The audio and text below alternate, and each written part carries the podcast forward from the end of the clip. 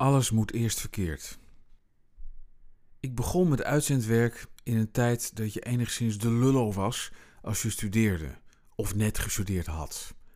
Omdat de koorballen imitatie van Jiskevet zo ongekend populair was. Een gangbare begroeting onder vaste medewerkers die leuk wilden zijn, was dan ook: Hey, lul, geneukt? Wie erachter kwam dat ik gedichten schreef, voegde er meestal aan toe: Hoe gaat het met je boek, man? Wat in het gelach bij de koffie meestal verloren ging, was de nuance dat ik niks met het verenigingsleven had. Ik bevond me in kringen van overwegend vrouwelijke, holebie georiënteerde letterenstudenten en voelde me enigszins weggezet als een studententype dat ik niet was. Ongeveer 25 jaar na dato besef ik dat er meer in zat dan ik durf toe te geven. Ik behoorde tot de verrassend grote club van studenten bij wie je vanzelf aanspoelt als je nergens bij wilt horen. Dat is net zo goed een vereniging met mores en codes, maar dat zag ik pas later. Nog later ontdekte ik dat de meeste mensen uiteindelijk veranderen in wat ze nooit zouden worden. In de sectoren waar de alternatievelingen van toen nu werken, wordt genetwerkt, geborreld en geregeld met een nepotisme, gretigheid en vakkundigheid waar ze bij corpora nog wat van kunnen leren.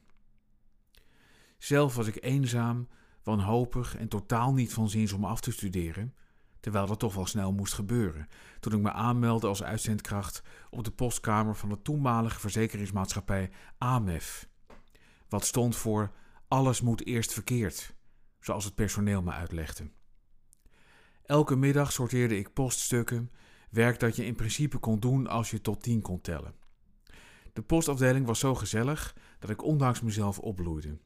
Elke ochtend aan mijn scriptie werken en elke middag post sorteren, duizenden brieven machinaal dichtplakken en pakketten maken, bleek de perfecte combinatie.